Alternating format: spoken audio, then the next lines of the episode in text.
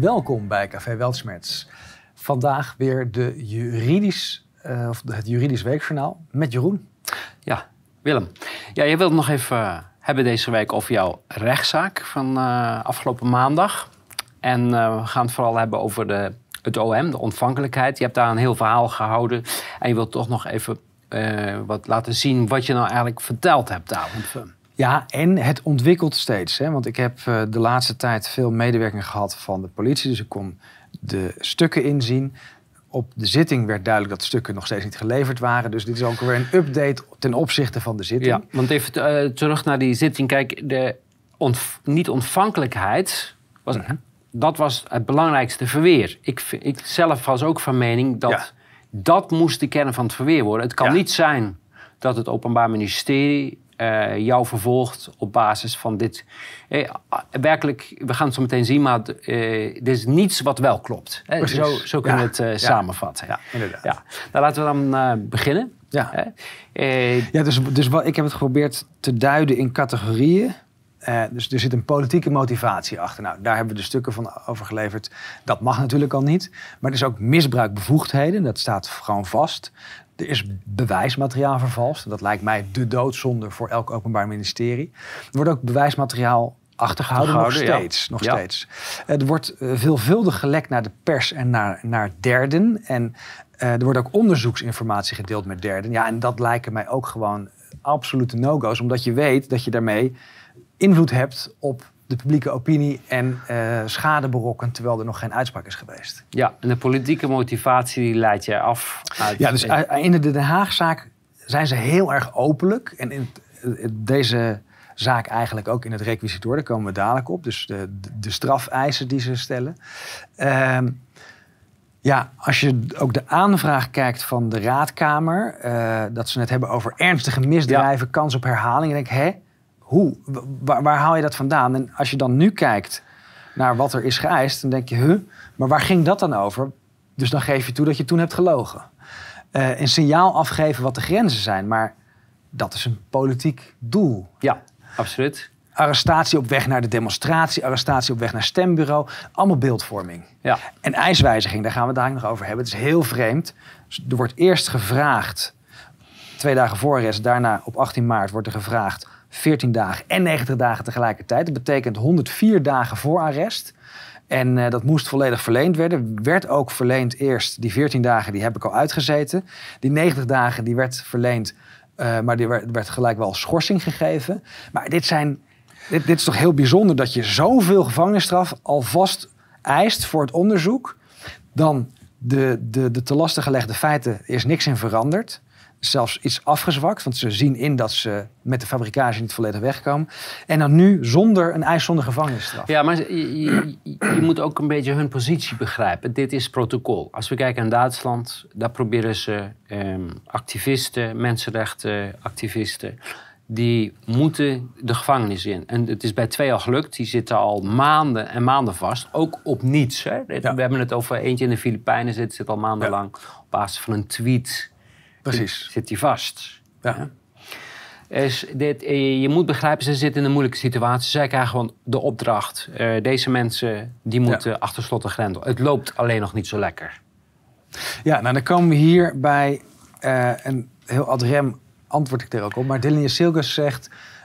Uh, walgelijk dat mensen denken die uh, het doodschieten van twee Duitse agenten goed kunnen praten. Ja. En nou zijn er allemaal aannames. Ik heb niks goed gepraat.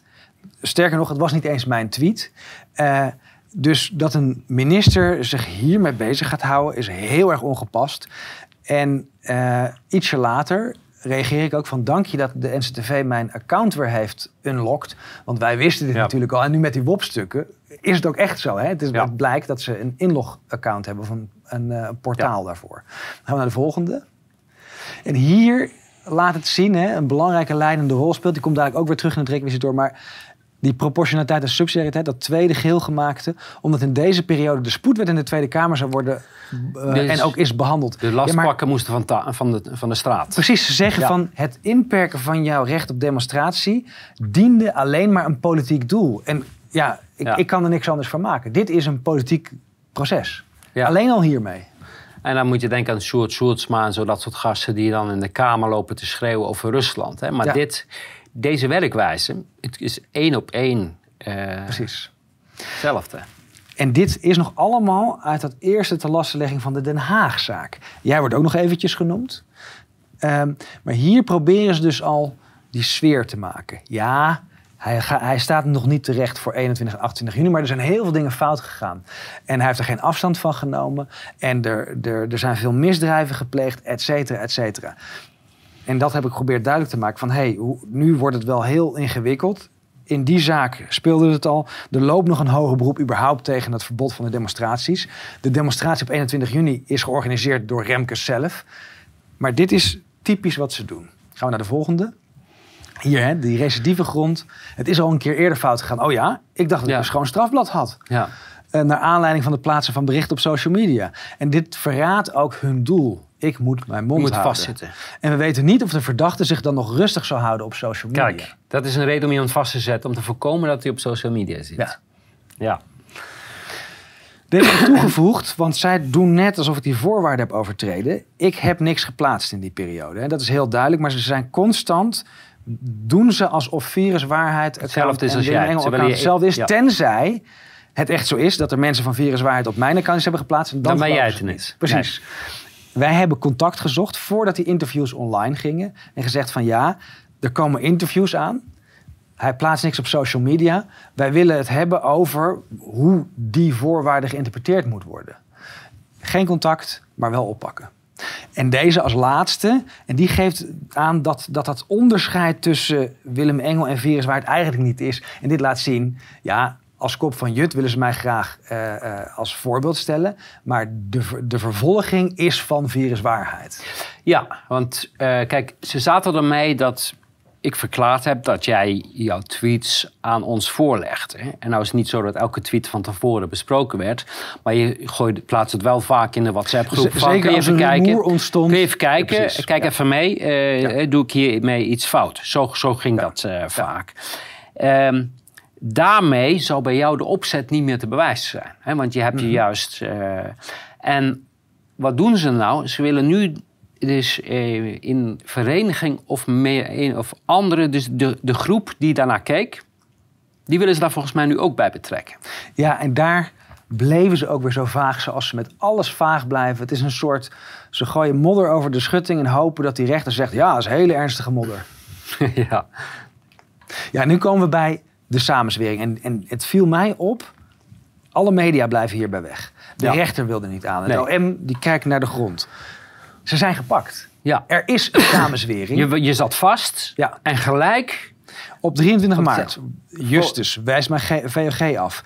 De demonstratiezaak, dat is bestuursrecht, vonnis zou komen op 20 april. Wordt opeens naar 23 maart, want het ging over 21 en 28 juni 2020.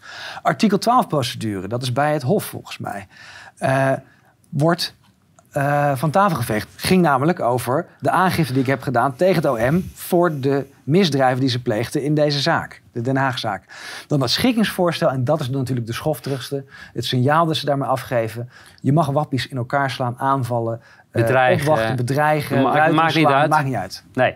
En dan, en dat weten we nu met die WOP-stukken, via DPG Media worden met terugwerkende kracht allerlei artikelen Gewijzigd. gewijzigd, omdat mission accomplished. Op 23 maart is alles in werking gesteld. Toen konden die artikelen Kijk, het gewijzigd idee is, als jij in een politiecel zit, kan je niet hierop reageren. Ja. En dan kunnen we dat heel stil zo, eh, zo door. En- En, ik, ik meende te zien, eh, tijdens de zitting, dit vonden ze heel vervelend. Ja. Ze zaten elkaar ook aan te kijken. Absoluut. En hij ging ook daar toneel spelen van, ja, maar wat bedoel je nou? Wat wil Ja. je nou precies? Ja. Ja, maar dit, dit is een, geen complottheorie, dit is een klassieke samenzwering van meerdere overheidsinstanties. Ja, en dit is een van die vonnissen. 9 maart hadden we de zitting. We hebben Remkes, Musser, Alkema en Zwinkels opgeroepen. Het vonnis stond voor 20 april. Opeens, 23 maart, bam, vonnis. Gaan we naar de volgende. Ge- dit is gerechtshof, want artikel 12, 23 maart. Ja, Opvallend. eh, toevallig. Gaan we naar de volgende. Ja. Strafbeschikking. Dus mijn aanvaller die vernielt, opwacht, bedreigt, fysiek aanvalt, krijgt 200 euro boete. Ja, ik kreeg, uh, ze wilden mij meer geven voor het aanwezig zijn eh, in de buurt van een demonstratie. Ja. Ja. 23 maart. ja. Just, het is VOG, 23 maart. En doordat we al diezelfde data zagen, zijn we gaan doorpeuteren. En vooral bij de VOG is dat gelukt. Gaan we naar de volgende. Hier zie je, de rechtbank heeft van de minister van Rechtsbescherming, lees Frank Weerwind, een verzoek tot geheimhouding van één of meerdere stukken ontvangen. Wat krijgen we nu, Jeroen? Ja. Hoezo moet een minister zich hiermee gaan bemoeien? Met, met een strafzaak bemoeien. En je weet hoe, ze zijn altijd als eerste bij om te zeggen... nee, dat hoorde ik uh, Jezielkes ook nog zeggen. Ik, nee, ik bemoei me nooit met, met, uh, met uh, individuele strafzaken. Ja, dan gaan we verder, want we hebben hier flink op, op doorgezeten.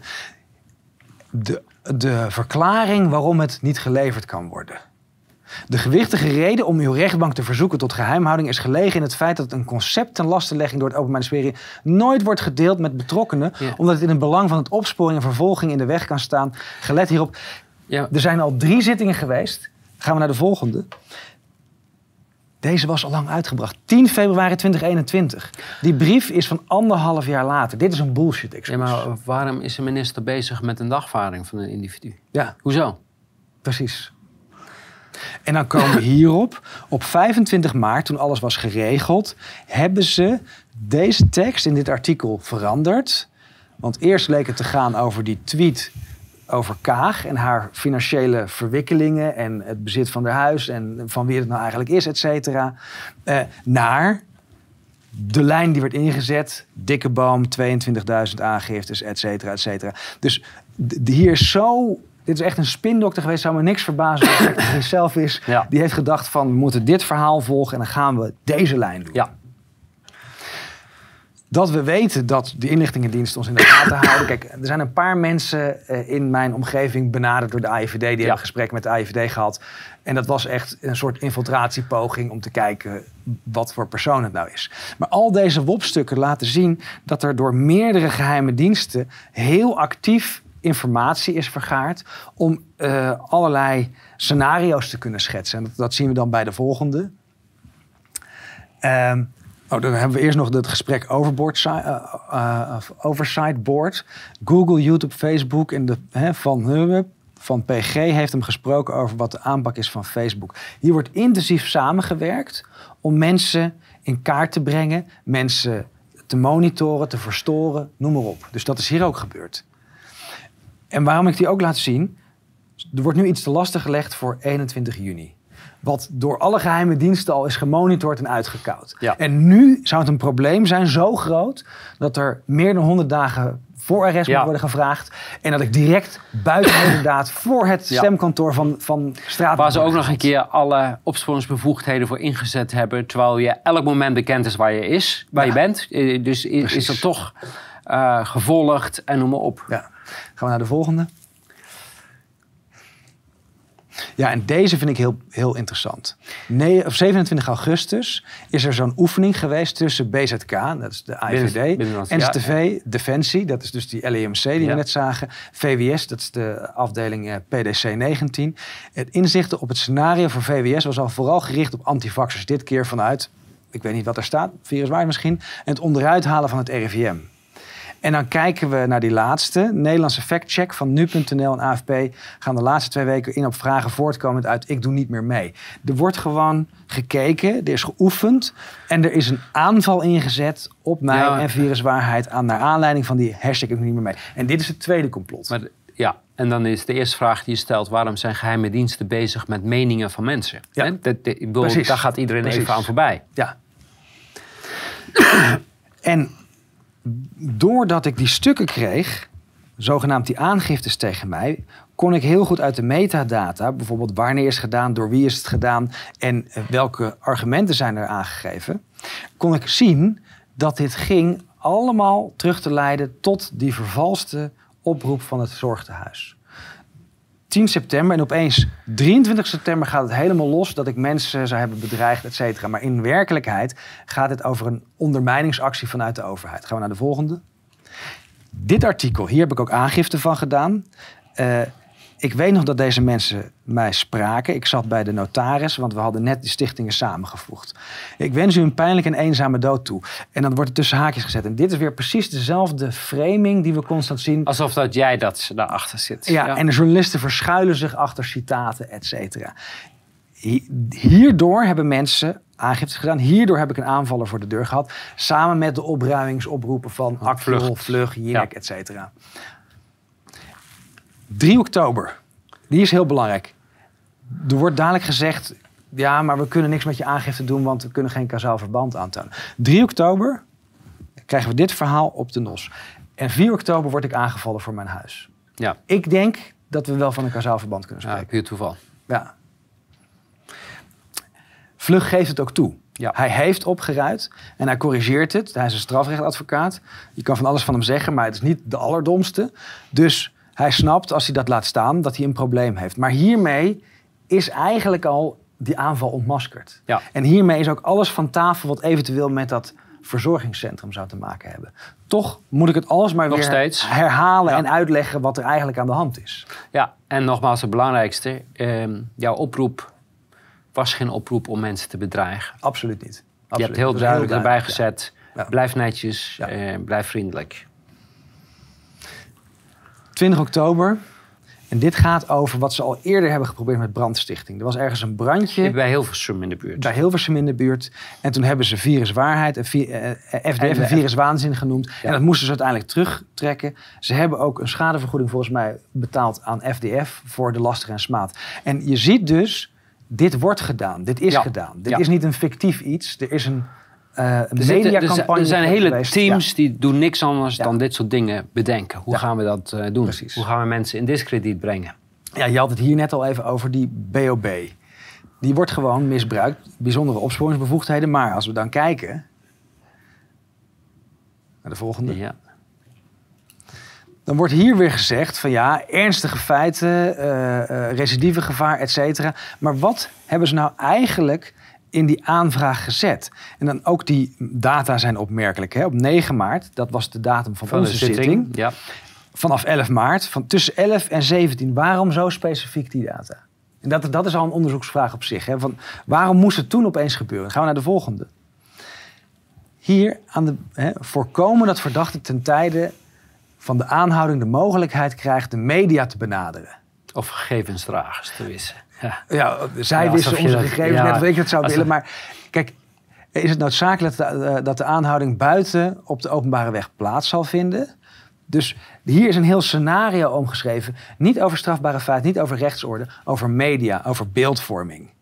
En dan houdt die bijzondere opsporingsbevoegdheid op. Dus de telecommunicatie, het aftappen en de, en de zendmasten van drie telefoons, waarvan één niet eens van mij is, die zijn alleen maar gebruikt voor dit doel. Ja. Ja. Ongelooflijk. Onuitlegbaar ook. Ik doe aangifte van beide arrestaties. Maar deze vind ik het meest eh, interessant. 3 april weigeren namelijk die agenten zich te identificeren. Ze leggen boeien aan. Ze geven niet aan waar ze me mee naartoe nemen.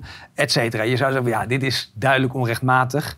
Los nog eens van de aanleiding dat die, over, dat die voorwaarde niet is overtreden. En als die al was overtreden, nietig was. Want dat heeft de Raadkamer da- daarna besloten. Dus eh, wat ze hier zeggen, is dat hierom hebben zij ook op het advies van het Openbaar Ministerie ook gekozen om zich niet te legitimeren om hun identiteit. Alsof een agent dit kan kiezen. Nee. Het wordt min of meer een opdracht, want advies, nee, als je advies van je baas krijgt, dan is dat niet eh, een, een, vrijblijvend advies. Wat het OM hier doet, is de aangifte die ik eigenlijk tegen het OM doe, beoordelen en zeggen: ja, het is goed. Die agenten die mochten de wet overtreden, want wij zeiden dat het mocht. Ja. Hier nog eventjes. Dit is artikel eh 2. Ambtsinstructie. ja. Er is geen uitzondering op. Nee, dat was er natuurlijk ook niet. niet. Natuurlijk niet. Mensen hebben het kunnen zien. was super rustig. Ik bedoel, laat stil. even. eh, kijk, ehm, normaal gesproken is, of het nou gaat om eh, optredens eh, bij demonstraties of zo. Politie moet altijd identificeerbaar zijn. Ja. En dan inderdaad, als ze al dat pasje tonen, maar het gezicht is niet herkenbaar. Er is nog steeds geen identificatie. nee. Hè? Die foto, die moet overeenkomen en dan staat er een nummer bij. En daar kan je wat mee. Ja. Als dat niet zo is, dan is er niet geïdentificeerd. Ja. Hebben ze nog iets vreemds gedaan? Zij beroepen zich op het aanleggen van de handboeien om te voorkomen dat iemand ontvlucht of voor vervoer. Want je moet namelijk melden wat de, de grondslag is voor het boeien. Maar zij doen net alsof het al 1 juli is, maar het is op 3 april gebeurd. En als je dan kijkt waarom het, of eh, voor welke reden het mag Dus, worden, dus zij, benoemen, zij beroepen zich op een eh, dienst, op instructie die nog niet bestond. die nog niet bestond. Ja. ja. En, dat, en daar is, eh, daar zijn ze, ja. Maar ook hier, we hebben het in het weekjournaal er al over gehad. Het OM is dus constant bezig de politie te instrueren om de wet te, te overtreden. En daarna te zeggen, het is goed, want wij hebben het gedaan. En ze komen dan aan met wetten en dan doen ze het ook nog eens verkeerd. ja ver- vervalsing Ja, bewijsmateriaal. en ik denk dat eh, dit het belangrijkste punt is. Hè. Hiermee had de zaak direct eruit gegooid moeten worden. Ja, dat hebben we al eh, vaker gezegd. Ze hebben gewoon geknipt en geplakt. Ja. En, en dan de ontlastende stukjes uit je tweets geknipt. En, niet, en dan de rechter noemde dat, eh, ja, dat is de context. Nee, dat is het bericht waarvoor ik hier zit. Dat is, Ja. eh, Precies. En als het er één is, misschien. Kijk, waar ze naartoe wilden is dat ik mensen zeg anderen te besmetten. In realiteit, en dat heb ik ook laten zien, de context is namelijk dat er een quote is. Dus dat is een, iemand die vraagt. Ik kom weet iemand nog halen, waar een niet adresje brengen. waar ik een boosterinfectie kan, krijgen, kan halen. Dus hoe kan ik er een krijgen? Niet hoe kan ik er een geven? Dus daar, proberen ze volledig bij weg te blijven. Het is je plicht en naaste liefde. Nou, dat is heel duidelijk. Dat is je verantwoordelijkheid om te zorgen voor zoveel mogelijk infecties. ehm, die je komt halen, niet komt brengen. Eh, het is niet ik die dat zeg. Ik reageer op iemand anders. Want dit gaat over een bredere discussie die toen al leefde. Dat mensen een herstelbewijs wilden hebben. En dan zet ik nog heel netjes bij het jongerensegment onder de 70 zonder gezondheidsklachten. Dat is naast liefde. Het, het is te gek voor woorden, maar dat ze dit proberen. maar eh, zij noemen het bedreiging. Hè? En, eh, poging tot- Bedreiging met ernstige mishandeling. Ja, en zware mishandeling. Ja. Ja. Ehm, maar, dat zei ik al. Is het middel überhaupt geschikt om iemand te bedreigen? En dat heb ik daar ook gezegd van ja. Ja. Iemand aanhoesten, dat haalt waarschijnlijk niks uit. Want je hebt een bepaalde virale lood nodig. Als het al met hoesten over te brengen is. Hè. Ja, Mensen doen net als of die met- grote druppels ik ga- nog steeds een geldend Ik verhaal ga, is. ik ga een voodoo-poppetje maken en dan Ja. ga ik jou zorgen dat jij eh, met dit poppetje ga ik jou laten overlijden. Ja. Hoe geschikt is dat middel? Ja, ik, ik weet niet, ik heb weinig ervaring met Geen maar- idee, maar dan kom je op de bewijslast. Ja. Het moet wettig en overtuigend zijn. Dus die causaliteit moet worden aangetoond. Dan komen we hier. Het eerste stukje, ja, en het, het is eigenlijk te gek voor woorden. Ook dat eerste stukje, denk ik, van naar Den Haag te komen. Als je komt, kom dan een lieve. Ik roep ze niet op. Er gaan heel veel mensen. We kunnen ze niet tegenhouden. Dat is de realiteit. Veel te kort eh, daarop is het verboden. Dus wij konden geen campagne meer voeren om mensen te overtuigen om niet te komen. Ehm, maar het belangrijkste is het tweede gedeelte dat ze eraf hebben geknipt. Daar roepen we ze op om ergens anders naartoe te gaan. Dat hebben ze er even afgehaald. Ja. ja. Dat is de context. Dat is de context. ja. ja. Dat is niet de oproep. En dan de derde vervalsing. Het wordt ingebracht als een filmpje van mij. Eh, Ook wel opmerkelijk dat ze zeggen Twitter en Facebook. Dit is niet door mij of Twitter of Facebook geplaatst. Dit is van Facebook gehaald door Hart van Nederland. Terwijl ze zelf op 26 juni... en het staat ook in het verslag van de rechercheur die dit heeft onderzocht. Dus het OM heeft moedwillig dit gepresenteerd alsof het op 28 juni was. Terwijl de stukken van het OM zelf blijkt dat ze donders goed wisten dat het niet het originele filmpje was. Dat er een filmpje is geknipt en dat het filmpje op 26 juni is opgenomen. Voor de uitspraak van de rechter. En de stukjes die ze eruit hebben gehaald, daarmee insinueren ze het alsof het na het oordeel van de rechter is. En, en ja, dit Maar het is, is niet eens vervalsing, het is ook nog een keer prutswerk. het is ook nog een keer prutswerk, ja. Ja, absoluut. Daar hebben ze ook nog later stukken aangemaakt. Ja, en waar dit over gaat, ieder geval heeft die rechter eh, gezegd van nee, alle PL's vernoemd in de telastenlegging, die moeten naar de verdediging toe. Wat bleek nu? Meerdere van die PL-nummers waren niet in het bezit van het OM. Maar dan, dat is een hele bijzondere. Hè? Dus wat hebben ze eigenlijk gedaan? Waarschijnlijk gewoon op zoektermen gezocht. In welke aangiftes komt de naam Willem überhaupt voor? Of Willem Ja. Engel überhaupt voor? Dat hebben ze erin gegooid. Want als ik deze open, dan denk ik, hè? Ik ben alleen maar genoemd als een omstandigheid. Het heeft niks, maar dan ook niks met mij te maken. En, en dit is het werk van het OM. Zoveel mogelijk erin proppen en dan het ontlastende bewijs weglaten en hopen dat de rechter erin Nou ja, er zit natuurlijk nog iets bij en dat is die eh, vergaarbakken die ze Ja. aanleggen. Dat betekent dus, Eh, Ze verzamelen alles al van jou voordat je überhaupt verdachte bent. Hè? En zo is het waarschijnlijk fout gegaan. Want in die vergaarbak heb je gewoon een lijst van nummers en Ja. ze hebben die lijst gekopieerd. Obstructie, achterhouden, bewijs. Nou, de advocaat heeft nog steeds niet alle stukken. Nee. Dat is ook opvallend. Vorige zitting, toen zei de eh, rechter nog heel joviaal... nou, ik heb ze wel allemaal, hoor, wat ze niet heeft. Nou, ik betwijfel of dat eh, Oprecht was. op, ja. oprecht was. Want de toegang werd uiteindelijk pas gegeven... Tien dagen voor de zitting. precies tien dagen voor de zitting. Al die tijd kon, eh, kon hij er niet bij. En De dat is van wat er wel is geleverd. Na heel veel aandringen hebben ze uiteindelijk de PL's en de bobstukken geleverd.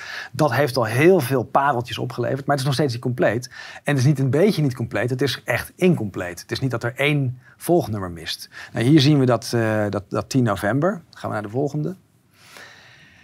Die eh, bobstukken, die, eh, dat blijkt dus dat dat verkennend onderzoek er niet in zit.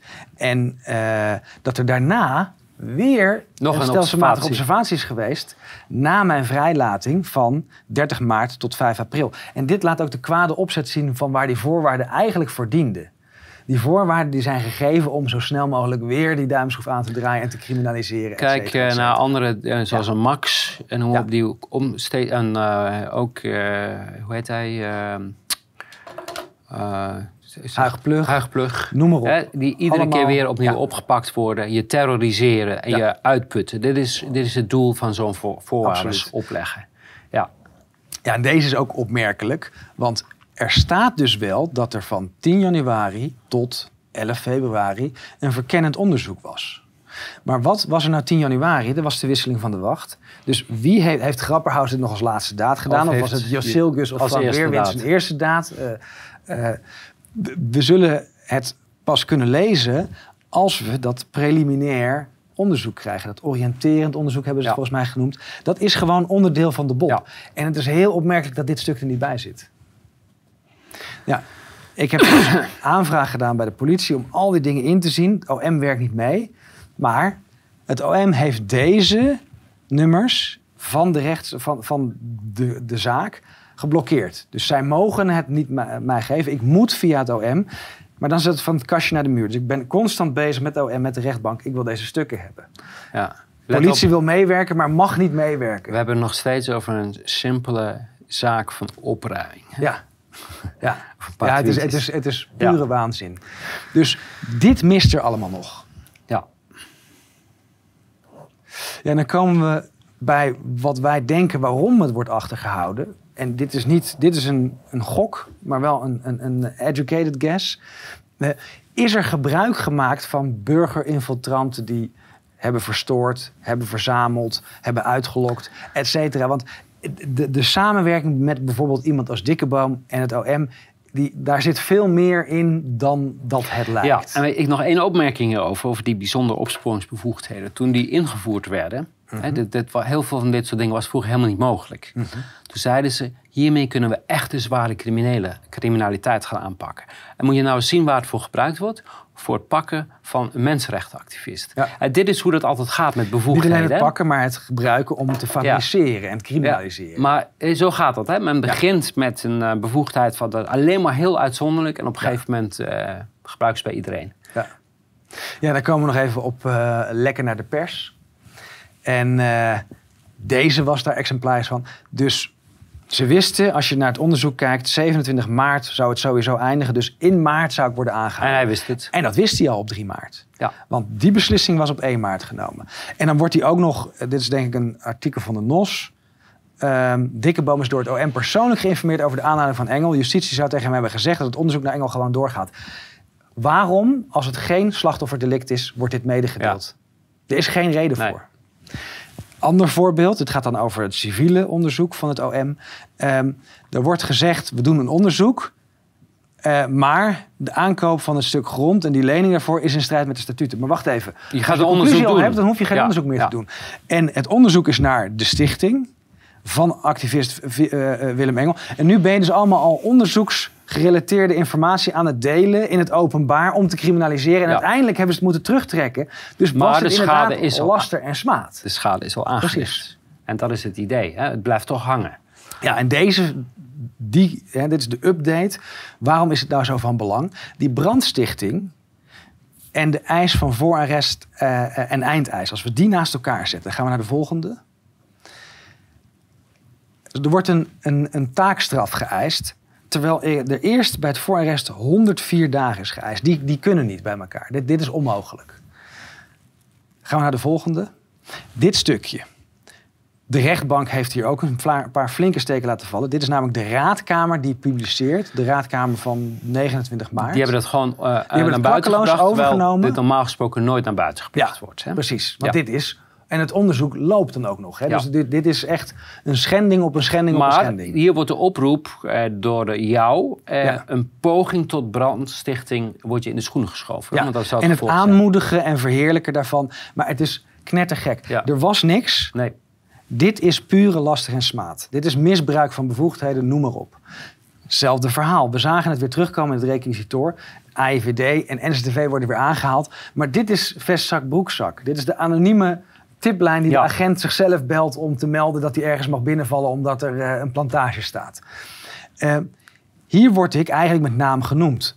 En wat voor effect heeft dat? Gaan we inderdaad naar de volgende. Nu is er een WWFT-melding met allemaal artikelen die gaan over die arrestaties van het OM, die gefabriceerde zaak, in vijf talen. dat betekent dat eh, zometeen je nergens nog Ja. terecht kan. Precies, In heel Europa. precies.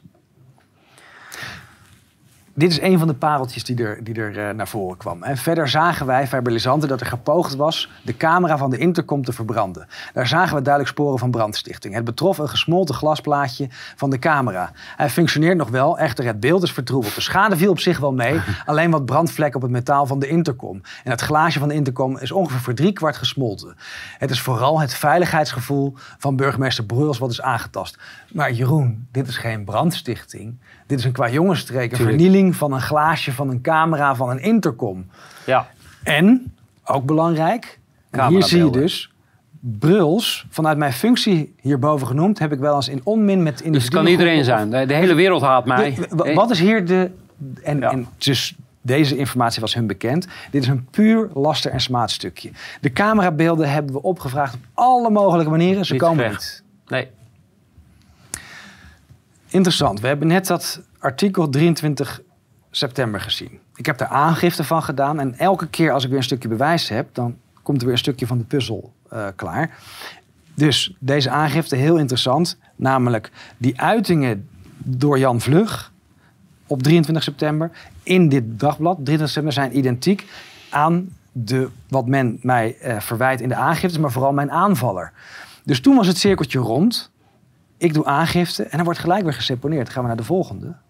En die nadere toelichting, die is prachtig. Ja. ehm, u heeft aangifte gedaan wegens smaad tegen het Maar, maar de nadere Dagblad. toelichting, ja. Ja, oké. Ehm, dat vinden we erg vervelend, dat is fijn. Er is echter geen kausaal verband aan te tonen tussen het artikel en de geuite bedreigingen. Maar hoe is dit kausaal verband bij jou dan wel eh, aan te tonen? Ik- als ben dan- hier heel- eigenlijk om- heel blij om- mee, Als om anderen gaat, is er... Ja, dat Precies. is geen kous- Maar bij jou, eh, het oproepen van, eh, om, om netjes en vriendelijk eh, te bellen... eh, of om, om te gaan koffie drinken bij... Maar het mooie is, die bedreiging, opruiing, belediging, et cetera... daar is dus een kausaal verband voor nodig... voor een strafrechtelijk onderzoek of een te lasten ja, natuurlijk. Ja. Maar dan kunnen we deze zaak dus ook hup, van ja, maar dat had ook gelijk Ja. van tafel moeten. Dus. Ja, hier komt dat punt van 14 dagen. Kijk, 14 dagen wordt gevraagd ja. eh, in bewaringstelling. Op 18 maart, Eerste Raadkamer. Gaan we naar de volgende. Hier zien we ehm, 18 maart en gevangenhouding gevraagd. En dit is heel opmerkelijk. Hebben ze tegelijk Dus- gedaan. Dat hebben ze tegelijk het gedaan. zat al in het dossier. Dat is heel op- opmerkelijk. Want normaal kijk je eerst naar de... Als het voor het onderzoek is, dan ga je niet te- tegelijkertijd vragen natuurlijk. Nee, want daarvoor zijn juist die... eh, wat is het tegenwoordig? 14 dagen. Ja. Om te kijken of er eh, voldoende ernstige bezwaren bestaan. Maar dat wisten ze van tevoren al. Ja. Ja, en dan komen we op die eisen. Ja, hè, ze willen een signaal afgeven eh, dat wat deze verdachte had gedaan een grens over is gegaan. En daarom hebben wij vandaag een stevige taakstraf. Het is alsof ze trots zijn en Ook- mij als voorbeeld willen stellen. En daarom vragen ze veel lager dan dat ze oorspronkelijk ja. wilden doen. Het is niet uit te leggen. En dan komen we bij, in mijn ogen, de hoofddader. De, de spil in het, uh, in het spinnenweb. Spin in Mevrouw spinnenweb. Vreugdehil. Ja, van het landelijk pakket. En dan kijk je naar haar takenpakket. En het was al moeilijk om een foto van haar te vinden. Het is uiteindelijk wel gelukt. Eh, internationaal geor- georganiseerde en ondermijnende criminaliteit. Terrorisme. Terrorisme, drugshandel, witwassen. En dan denk ik van, hè? Ja. Dit is een beetje een overshoot. Nou, ik, ik, het is geen toeval. Nee. Dit is, hè, en ook de rechter die je hebt, dat is een ondermijningsrechter. Eh, dit past bij de RIEK-aanpak en bij het uit de weg ruimen van vervelende mensen die, eh, die denken allemaal eh, een mening te mogen hebben. Ja. Ja, ja, dan hier doen we even een pauze. En dan gaan we zo naar deel 2. goed. Welkom bij deel 2 van de nabeschouwing van de strafzaak OM versus Willem Engel. We hebben het in deel 1 gehad over de ontvankelijkheid van de, eh, ja, het regime, of eigenlijk het OM, want die spreekt namens het regime. Eh, in deel 2 gaan we het hebben over de juridische onderbouwing. Wat is er nou gevraagd? Wat staat er eh, in de jurisprudentie? Maar eerst willen we nog even kijken van eh, wie zouden er als getuigen moeten worden gehoord? Nou, ik, ehm, ik denk sowieso eh, weerwind. Ja, Dus- en, en even de, de aanleiding is, er is in zijn naam, meestal gaat het namens de minister, maar die is eindverantwoordelijke, is er dus gevraagd om een stuk geheim te houden eh, aangaande de Den Haagzaak, die helemaal vervlochten is met de Rotterdamzaak. Oftewel, er is aanleiding, er is alle aanleiding om deze persoon te horen. Ja, Jezilkes natuurlijk ook. Ja, die heeft zich eh, Uit- uitgelaten eh, op Twitter, eh, openlijk, over deze zaak. want het onderzoek liep toen al. En zij was toen al minister. En ook als je kijkt naar wanneer het oriënterend onderzoek is begonnen, dat is de datum van haar aantreden. Dus daar is ook genoeg aanleiding voor. Albersberg. Ja, Albersberg staat er niet bij. Hè. Erik van den Burg staat er wel bij. We willen alleen een quote van hem gebruiken dat het gewoon altijd is toegestaan om bij een ambtsdrager eh, eh, te demonstreren, zolang je je daar maar niet strafbaar gedraagt. Albersberg, eh, dat is de baas van de NCTV. Ook nog eventjes voor de achtergrond voor mensen.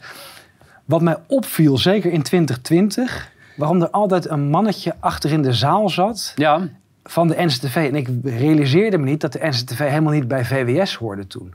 Pas in een gesprek met Andreas van Kouwenhoven van het NRC, die daarover aan het schrijven was, kwam ik erachter van, hé, hey, wat vreemd, waarom zit justitie in een zaak die eigenlijk over VWS gaat? Nou weet je het antwoord. En nu weten we het antwoord.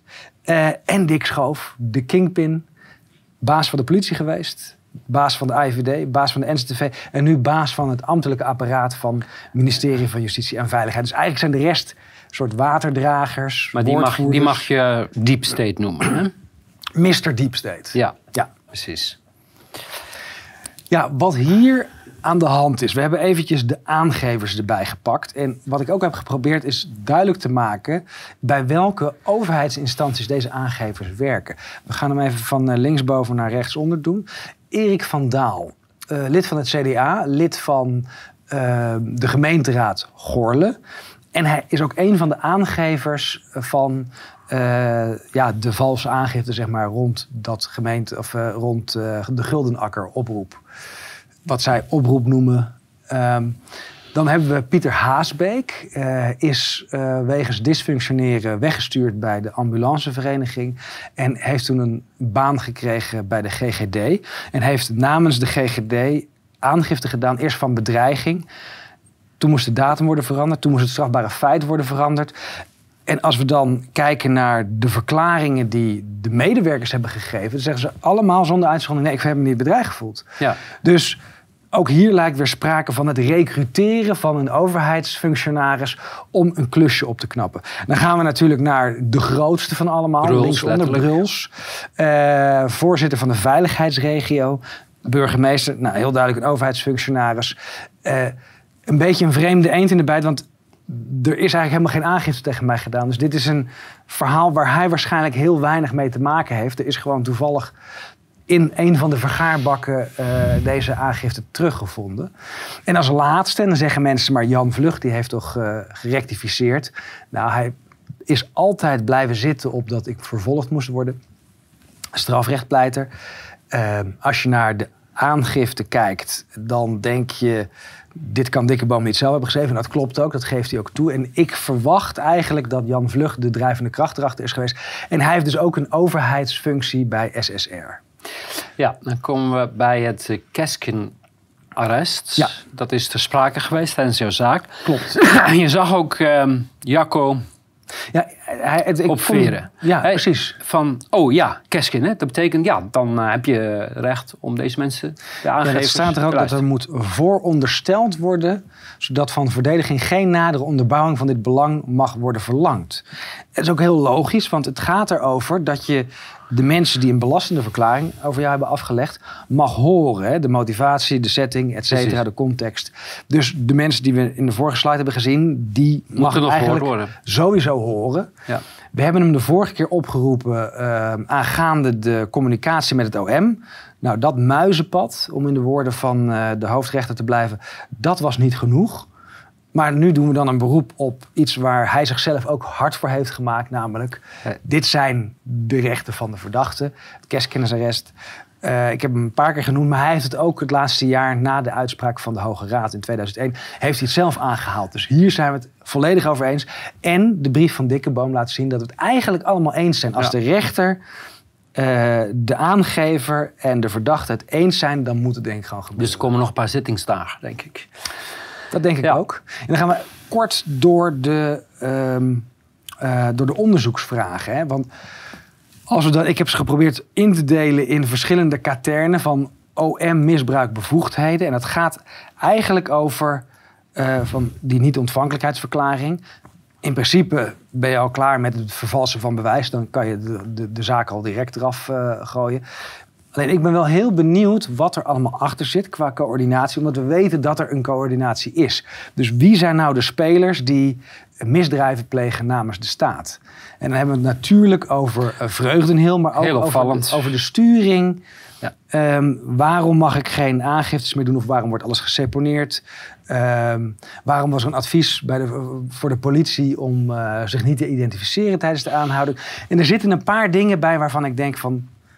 Maar überhaupt, als je een politiek proces voert, is het toch heel slordig om het zo te doen. Dan, dan breng je toch de verdenking op je. Maar dat maakt allemaal niks meer uit. Hè? Ja, Het is de schaamte voorbij, noem je dat. het is de schaamte voorbij, ja. Ja. Ja, Bob, hè, bijzondere opsporingsbevoegdheden, hebben we het net al even over gehad. Waarom moet de arrestatie buiten het zicht van de media? En dit is een cruciale vraag, misschien wel de belangrijkste van al deze Bob-vragen. We zien dat er wordt gelekt, we zien dat er aan beeldvorming wordt gedaan. En als je dan dit aandraagt als hoofdmotivatie om de Bob oneigenlijk in te zetten. En dan ben je dus ook, dus los van die bewijsvervalsing, ook trial by media is een grond op zichzelf om niet ontvankelijk te verklaren. Dus ook deze eh, vragen moeten worden beantwoord. En ik ben heel benieuwd, omdat ik 12 en 13 maart uitgebreid met de politie heb gesproken. Eh, bij een, eh, een meeting van eh, de FVD in Rotterdam en bij een demonstratie in Amsterdam. Ehm, daar is ook een verslag van gemaakt. En ik weet niet hoe dat gaat, maar waarom moest ik buiten heterdaad worden aangehouden? Maar de eerstvolgende gelegenheid die er was, heb ik rustig met de politie een Ja. goed gesprek gehad, hand gegeven, naar binnen gegaan. Dus ja, ik, Ja. ik ben daar persoonlijk heel erg in geïnteresseerd. Van wat, wat is nou het, het idee als iemand moet worden gearresteerd binnen die data? Dus het moest niet op die datum, niet op die plek, maar het had echt te maken met dat het op de 16e moest voor het verkiezingskantoor of voor het verkiesbureau. Ja. Dan gaan we naar het requisitoors. En dat is eh, waarin de officier van justitie eh, tot uitdrukking brengt wat voor straf je moet hebben en wat jouw strafbare feiten zijn. Ja. Nou staat, er bestaat daar nog het een en ander eh, onduidelijkheid over. ja, dus we gaan proberen te reconstrueren iets wat eigenlijk al bij de telastenlegging en bij de arrestatie in maart geleverd had moeten worden. Dus we zijn nu negen maanden verder en nu pas komen ze met een onderbouwing van wa- wat ze nou eigenlijk vinden en wat ze nou eigenlijk denken te kunnen bewijzen en welke straf daar zou bij horen en welke artikelen dan zouden zijn overtreden. Ja, de vrijheid van meningsuiting staat strafbaarheid niet in de weg, vinden ze. Maar ze zeggen dan wel, het is een eh, grondrecht demonstreren. En eh, Ja, vrijheid is een fundamenteel recht. Weet je, als mensen zo beginnen te praten, dan moet, je, eh, moet je al op je hoede zijn. Ehm, Ja, eentje terug nog. Kijk, het OM is er dus niet op uit om tegenstanders van overheidsmaatregelen maar we, doen het, snoeren. we zijn er niet op uit, maar we doen het wel. Ja, dit is die doublespeak. Ja. Wat ze hier zeggen, dat is de missie. Ja. Vrijheid van meningsuiting eindigt daar waar opruiming begint. Dat is ook zo'n zo'n mooie open deur die wordt ingetrapt. Ja, ja, dat hoor je vaker in een dictatuur. Hè? Ja. Ja, je mag best demonstreren, maar niet als wij dat niet toestaan. Ja? Ja. En wat ik ook opvallend vind, die normbevestiging, gedragssturing, fatsoen. Ik ben het. eh, en als je dan kijkt naar die strafoplegging als normbevestiging en generale preventie, dan krijg je echt het gevoel van. eh, ja, de vadertje overheid die even terecht wijst van nee. En we moeten je ook even in de hoek van de Ja. klas zetten, zodat de andere kinderen kunnen zien dat jij stout bent geweest en dat zij het uit hun hoofd laten om dat ook te doen. Ja. Eh, nog een eh, stukje uit het requisitoor. Ja, en, en dat hele requisitoor, eigenlijk is het een smadelijk document. Ja, je zegt jij, eh, wat tegen jou werkt, is dat jij achter je uitlatingen blijft staan en geen afstand neemt van de bewoordingen. Maar hoe kan je afstand? Oké, ik neem afstand van de bewoordingen dat ik oproep mensen om bloemen te gaan leggen bij het gemeentehuis. Ja, ik, Wat ze hier eigenlijk zeggen is gehoorzaam. Als je berouw toont, ja. dan kan je misschien nog wat strafvermindering krijgen. Maar dat zou een hele gekke zijn, want het hele idee is dat dit allemaal gedaan is juist om een punt te maken. Ja, maar ik, goed, ik, ik, ik blijf het eh, vaag vinden waarom je die woorden terug zou moeten trekken. Maar de, waarschijnlijk willen ze dat je gewoon klare taal spreekt. Mensen bestormen het gemeentehuis. Dan is het goed, dan doe je het misschien goed. Ja, zouden ze dat nou echt denken? Want ik betwijfel dat. Ik denk dat ze donders goed weten dat wij altijd Ja, voor liefde en geduld Ja. hebben gepleit. En juist door ons dat er heel veel plannetjes in, in de soep zijn gelopen, omdat het niet tot rellen kwam. Ja, ja. Eh, sfeerrapportage. Ja, dus wat je hier ook weer in ziet. Anti-coronademonstraties le- hebben geleid tot hevige rellen. Eh, Ja. Dus het radicaliserend anti-overheidsprotest. Dit, dit is de nieuwe term voor terrorisme, Ja, zeg maar. en hevige rellen. We weten allemaal hoe die rellen zijn ontstaan. Ja, het is alles de agent-provocateurs Ja. hebben het uitgelokt. Daar is eh, zat videobeeld van. Maar constant... En, en ook bij de volgende intimidatie, desinformatie, Rusland zelfs. We Ja. hebben ons nog nooit pro-Poetin uitgesproken. Wel anti-NAVO. Want waar En- wij invloed op hebben, daar moeten we ons over uitspreken. De NAVO hitst op, Ja. zorgt voor heel veel leed binnen de Oekraïne. Eh, ik zeg zeker niet dat Rusland een goede partij is. Maar NAVO is in ieder geval een misdadige organisatie. Alle organisaties die daar de oorlog in stand houden, zijn misdadig. En de Maar goed, burger is het slachtoffer. Doet hier niet de je, Nee, maar, is- maar wat, wat er vooral gebeurt hier... het gaat bladzij na bladzij over sfeer. Ja. Het gaat bladzij na bladzij. Er wordt niks juridisch gezegd. Het gaat alleen maar over... het is zo gevaarlijk, hij heeft zo'n grote stem... hij is zo verantwoordelijk, hij is zo ongehoorzaam.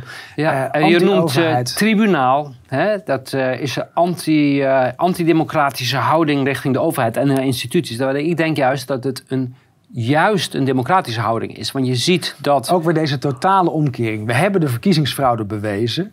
Alles wat hier gebeurt is antidemocratisch.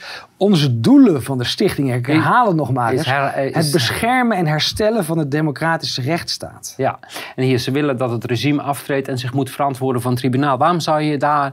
Hoe is dat strafbaar? Dat mag jij vinden. Weet je, dat, zou toegejuicht moeten Ja. worden als er een coup is gepleegd dat Ja. wij met eh, eh, juridische middelen, met eh, wettelijke middelen proberen de democratie te herstellen. Ja, en dan komen we bij circulaire redenering.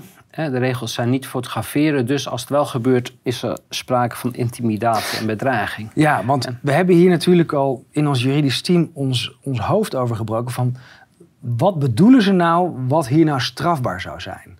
Eerst, eerst aangifte gedaan wegens bedreiging, nou dat viel af. Toen werd er opruiing, opruiing tot bedreiging. Maar het, het, het is heel lastig om nou te duiden. Bedoelen ze nou dat het foto's maken op de openbare weg niet mag? En als het dan toch gebeurt, terwijl mensen zien dat het niet mag, dat ze zich daardoor geïntimideerd voelen, het is onnavolgbaar deze redenatie. En daarbij was al eerder, eh, bleek al dat je mag gewoon fotograferen op de openbare weg. En er was helemaal niets om aangifte van te doen. Ik kan me herinneren dat het Ja. toen ook in de media is gekomen. Dat klopt. Hè? De, de GGD heeft Ja. gezegd van de eh, strafrechtelijk kunnen we weinig uitrichten. En dat hele dossier over die prikbus, ik ben ervan overtuigd dat het al lang was afgehandeld. Kon ze niks dat mee weer doen. En ze hebben dat puur om Ja. een soort rookgordijn te creëren, hebben ze dat weer eruit gehaald. Nou, waar, eh, waar rij je toe op volgens de OM? Dat vroeg de rechter even, ja, wat, wat zijn dan die strafbare feiten? En toen kwam het even uit de mouw schudden ze, ja, infectie, dus bedreiging, eh, zware mishandeling, prikbus, bedreiging en dwang, demonstratie. eh, Oproep, oproepen tot verboden demonstratie. Dan denk je ook, ga je daar Ja. serieus zo'n Ja. zaak voor ja, voeren? zorgcentrum, bedreiging, dwang en belediging. En dan bruls, dwang en bedreiging. Ja, en, en, dan, en dit is gedestilleerd. En nu gaan we dus... Even kort kijken. Kijk, de- als we het hebben over dwang. Ja? En dan hebben we het bij, over dwang. eh, dat was bij de prikbus en bij Bruls. En eh, bij dwang is nodig dat iemand wederrechtelijk gedwongen wordt iets te doen, na te laten of te dulden. Is het wederrechtelijk om via een demonstratie een burgemeester bijvoorbeeld te bewegen tot iets? Ik denk niet. En, en daarbij, eh, het bestuur heeft de macht. De burger heeft in die zin niet de macht. We hebben niet het geweldsmonopolie, we roepen niet op tot geweld. Nee. Dus om van je te laten horen, dat is toch juist ons grondrecht. En dat is toch strijd- juist de bedoeling. Ja, en in strijd met het recht is vervolgens aan, eh, dat wordt uitgelegd als een aanzienlijke overschrijding van de grenzen van de maatschappelijke betamelijkheid. Maar, Koffie drinken is onbetamelijk kennelijk. maar demonstreren is onbetamelijk. Ja. Ja? Dat wordt eigenlijk gezegd. Actie voeren is onbetamelijk. Dan bedreiging met zware mishandeling. Ja, en, en het idee, denk ik, want hè, we zijn het nu aan het reconstrueren en dat maakt het lastig. We hadden gewild dat het OM er een deugdelijk eh, werk van had gemaakt en gewoon de artikelnummers met de criteria erbij. Zoals ze dat wel in andere stukken Zo hebben hoort gedaan. dat ook, Zo want je hebt geen ook. idee waar je nu precies van eh, Ja. beschuldigd wordt. Dus het is nog steeds zoeken van. Ik, ik neem aan dat ze dit bedoelen. We hebben volgens mij ook een e-mail gestuurd via de advocaat om te verifiëren. Is dit de bedoeling? Zijn dit de artikelen? Ja, maar wie heb je dan bedreigd ten eerste? Of tenminste wel opgeroepen tot bedreigd. Daar ging het niet om dat jij Ja. niet bedreigd, anderen zou, jij Ja. zou anderen opgeroepen hebben. Maar dat gaat dan over... Dat de we- medewerkers mensen- van het zorgtehuis, Bruls en de prikbus. Dat is de. Maar de bedreiging moet van die aard zijn en zodanige omstandigheden eh, zijn geschied dat bij de bedreigde de redelijke vrees kon ontstaan dat het misdrijf waarmee werd gedreigd ook zou worden gepleegd. Ja, Ja, maar dan kom je weer terug bij het misdrijf. Welk misdrijf? ja. En hier ontbreekt dus eh, de context, het middel, de doelgroep, de doelgroep voor een deel. Eh, elk criterium slaat plat. En als je nog één keer teruggaat. Kijk, ik heb een stukje hier gepakt uit de eh seponering van de aangifte tegen Hugo Ja. de Jonge. En dat was de onderbouwing waarom ik kan zeggen van ja, hij heeft wel allerlei dingen gezegd over de ongevaccineerden.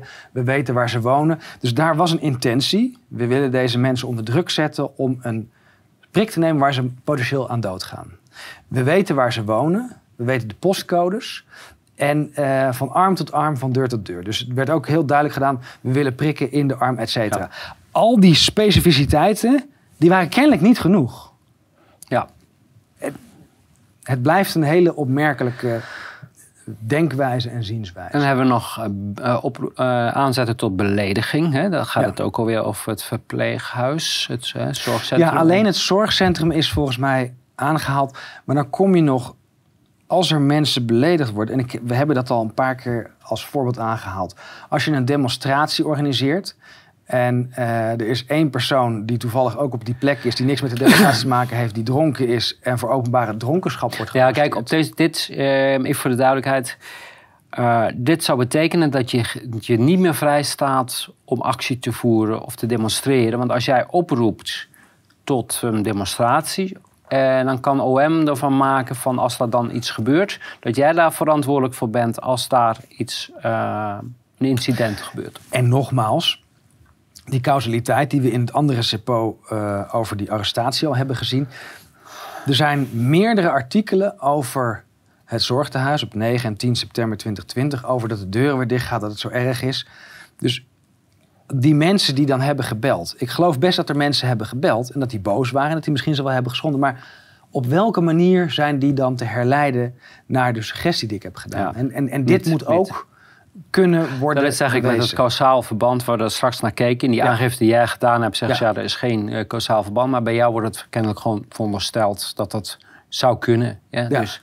En dan nog even WOM 11, Wet Openbare Manifestaties. Dat is een overtreding. Daar zou je toe opgeroepen hebben. Want jij zou opgeroepen hebben mensen tot een illegale demonstratie. Ja, maar ze probeerden het daarna nog verder te specificeren. Want ondanks dat hij heeft opgeroepen om niet te komen... Is het toch een om- oproep? Want als jij oproept om niet te komen, weet je dat mensen toch gaan komen. En door hun te op te roepen niet te komen, heb je ze eigenlijk opgeroepen om wel te komen. Ja. Dat is ongeveer de redenering. En dan wil ik nog die brief van 23 juni van de gemeente Den Haag aanhalen. Waar ons werd kwalijk genomen dat we te weinig hadden gedaan om, eh, Om mensen te stoppen van te om niet te komen. Ja. Dus het is met deze redenatie.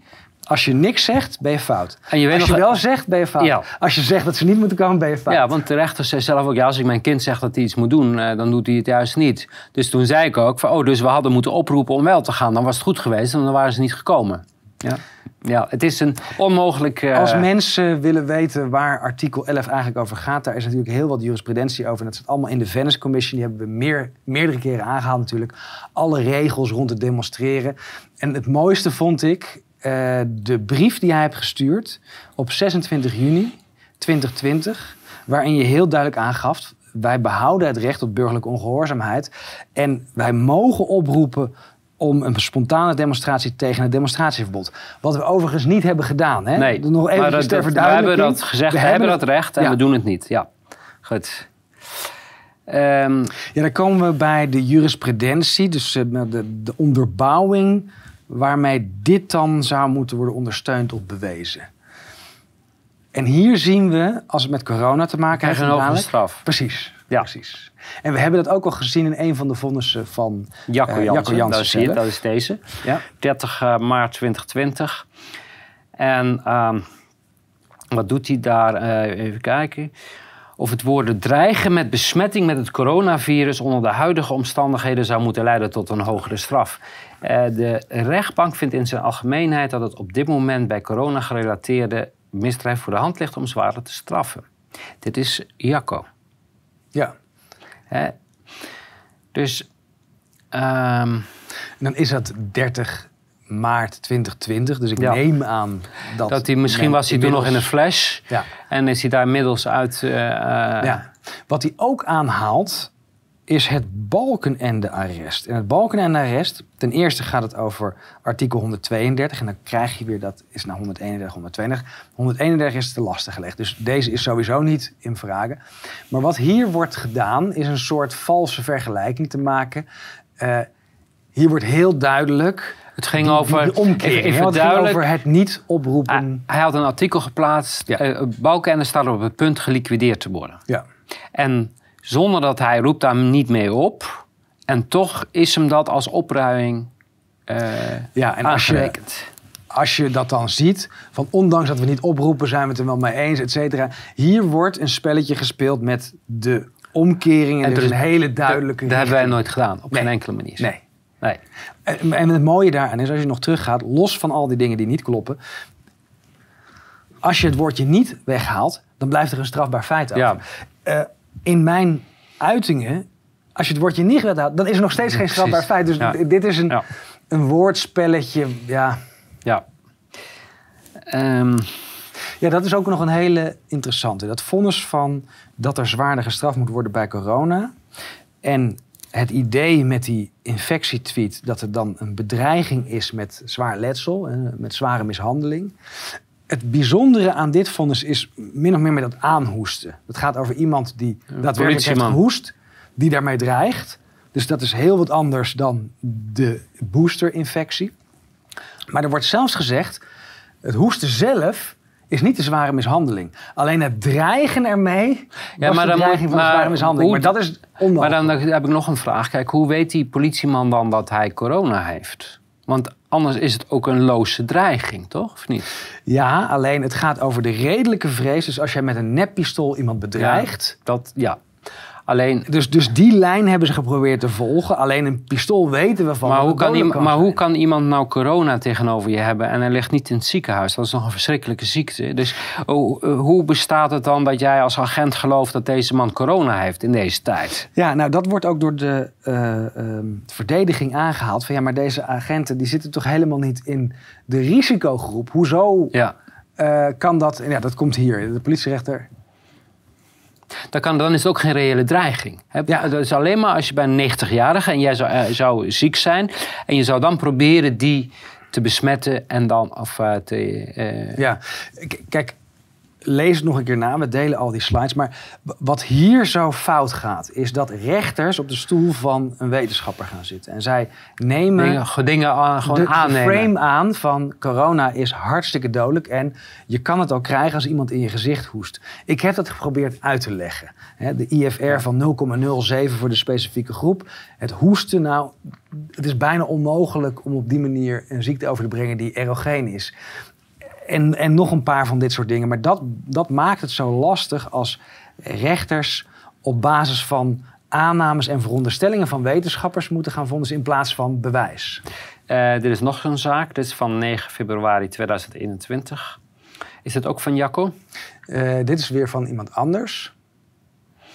Bedreiging met zware mishandeling door te spugen in de richting van vier verbalisanten. Maar het gaat alles maar over hetzelfde. Dus het, het zwaarder straffen op basis van het is toch corona. En eh, niet dat het een echte fysieke vrees was. Of eh, f- f- fysieke ongemak was. Er is niemand ziek geworden. Ehm, het gaat alleen maar over de angst die is ingeboezemd bij de verbalisanten. Ja, En het is een, zoals Jensen altijd mooi zegt, een anticipatoire angst. ja. Het is niet een angst van een echt gevaar, maar van een ingebeeld, een imaginair gevaar.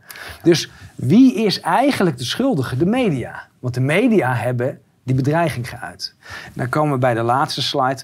Al die jurisprudentie, die volledig ten onrechte nu eh, eh, erin staat, Blijkt. moet weer worden vervangen. Want de laatste slide gaat over de vaststelling van de infection fatality rate. Iets waar we in de eerste zaak al op hebben gehamerd. En waar eh, George Haringhuizen, een van de, van de mensen die professioneel bedrog doet voor het RIVM... ehm, die zei van ja, het is heel moeilijk te achterhalen hoeveel het dan is. Ja. Al die antistoffenstudies die werden geboycott, die werden niet gepubliceerd. Ehm, ze schatten het op 1%. Overigens, Jaap van Dissel had ook al 1% met de influenza, influenza-epidemie in 2017 geschat. En eh, de eerste studie uit China, die ook door het RIVM was gedaan, die kwam overigens op een eh, IFR van 0,5. Dat kan ik me herinneren. Dat Ja. was eh, april eh, 2020. Precies, Ja. dus er is geen enkele reden om aan te nemen dat er ooit een echte pandemie is geweest in de primaire zin van het woord. En deze studie laat zien, het was een storm in een glas water. Ja. Nou, hebben we het geheel doorgenomen. We zullen hier nog wel vaker eh, over, eh, over spreken. Maar het is een hele bijzondere zaak die bijna in het eh, surrealistische plaats. Nou ja, hij is bijzonder omdat ehm, deze zaak laat zien waar we in Nederland geland zijn. Met rechters als Jacco Jansen. Met alle respect, jij houdt nog de mogelijkheid open. Maar deze zaak had de eerste dag al eruit gegooid moeten worden. Dit is, even nog, ik herhaal nog een keer, een mensenrechtenactivist wordt vervolgd. Wegens opruiming, daar moet er al een opruiming. afgaan. Ja. Opruiing, iedereen kan kijken op de website van eh, Amnesty International. Opruiming is het speeltje van dictaturen. Als zij eh, opposanten willen wegruimen, dan doen ze Met dat met opruiming. vage aanklachten zonder onderbouwing. Het is precies Va- wat we Dat hier... is een vaste prik. Alleen Nederland, eh, prima, dat is een keuze die je maakt. Hè? Jacco Jansen ook, die maakt de keuze. Die vindt dit in orde. Maar dan vind je het ook in orde dat jij de democratische rechtsstaat verlaten hebt. En dat jij in het rijtje staat van landen als Rusland en noem maar op. En dan kunnen we het hier wel allemaal heel gezellig uit hebben zien. En we kunnen leuke grapjes met elkaar maken. Maar ondertussen zit jij daar en word jij vervolgd en wordt geprobeerd jou in de gevangenis te krijgen. En dat is wat mensen vaak vergeten. En we zitten in nu in, met een eh, dictatuur, een regime dat geen militaire pakjes aan heeft. Hè? En dat het eh, gezicht heeft van hè, met stropdas en het ziet er allemaal gezellig en leuk uit. Maar in de kern blijft het precies hetzelfde. Het is een, eh, we gaan we zitten postdemocratisch. Uh, ja. Postdemocratisch tijdperk. Ja, en we gaan richting een dictatuur. En rechters als Jacco nou, Jansen... Ik, ik, zou zeggen, we zitten in een dictatuur. en ja, komen we daaruit? Ik denk het wel. En onze lijn is altijd geweest om dat met vreedzame en juridische middelen te doen. Nu Viruswaarheid als actiegroep gestopt is en alleen als documentatiecentrum verder gaat, is het ook niet meer aan ons om daar nog wat uh, van te vinden misschien? Nou, ik denk wel dat we nog steeds eh, van alles kunnen vinden, eh, Willem. En uh, zeker zolang jij nog vervolgd wordt. Maar uh, ja, we gaan het zien en ehm, wordt vervolgd in ieder geval. Zeker, dankjewel. Goed.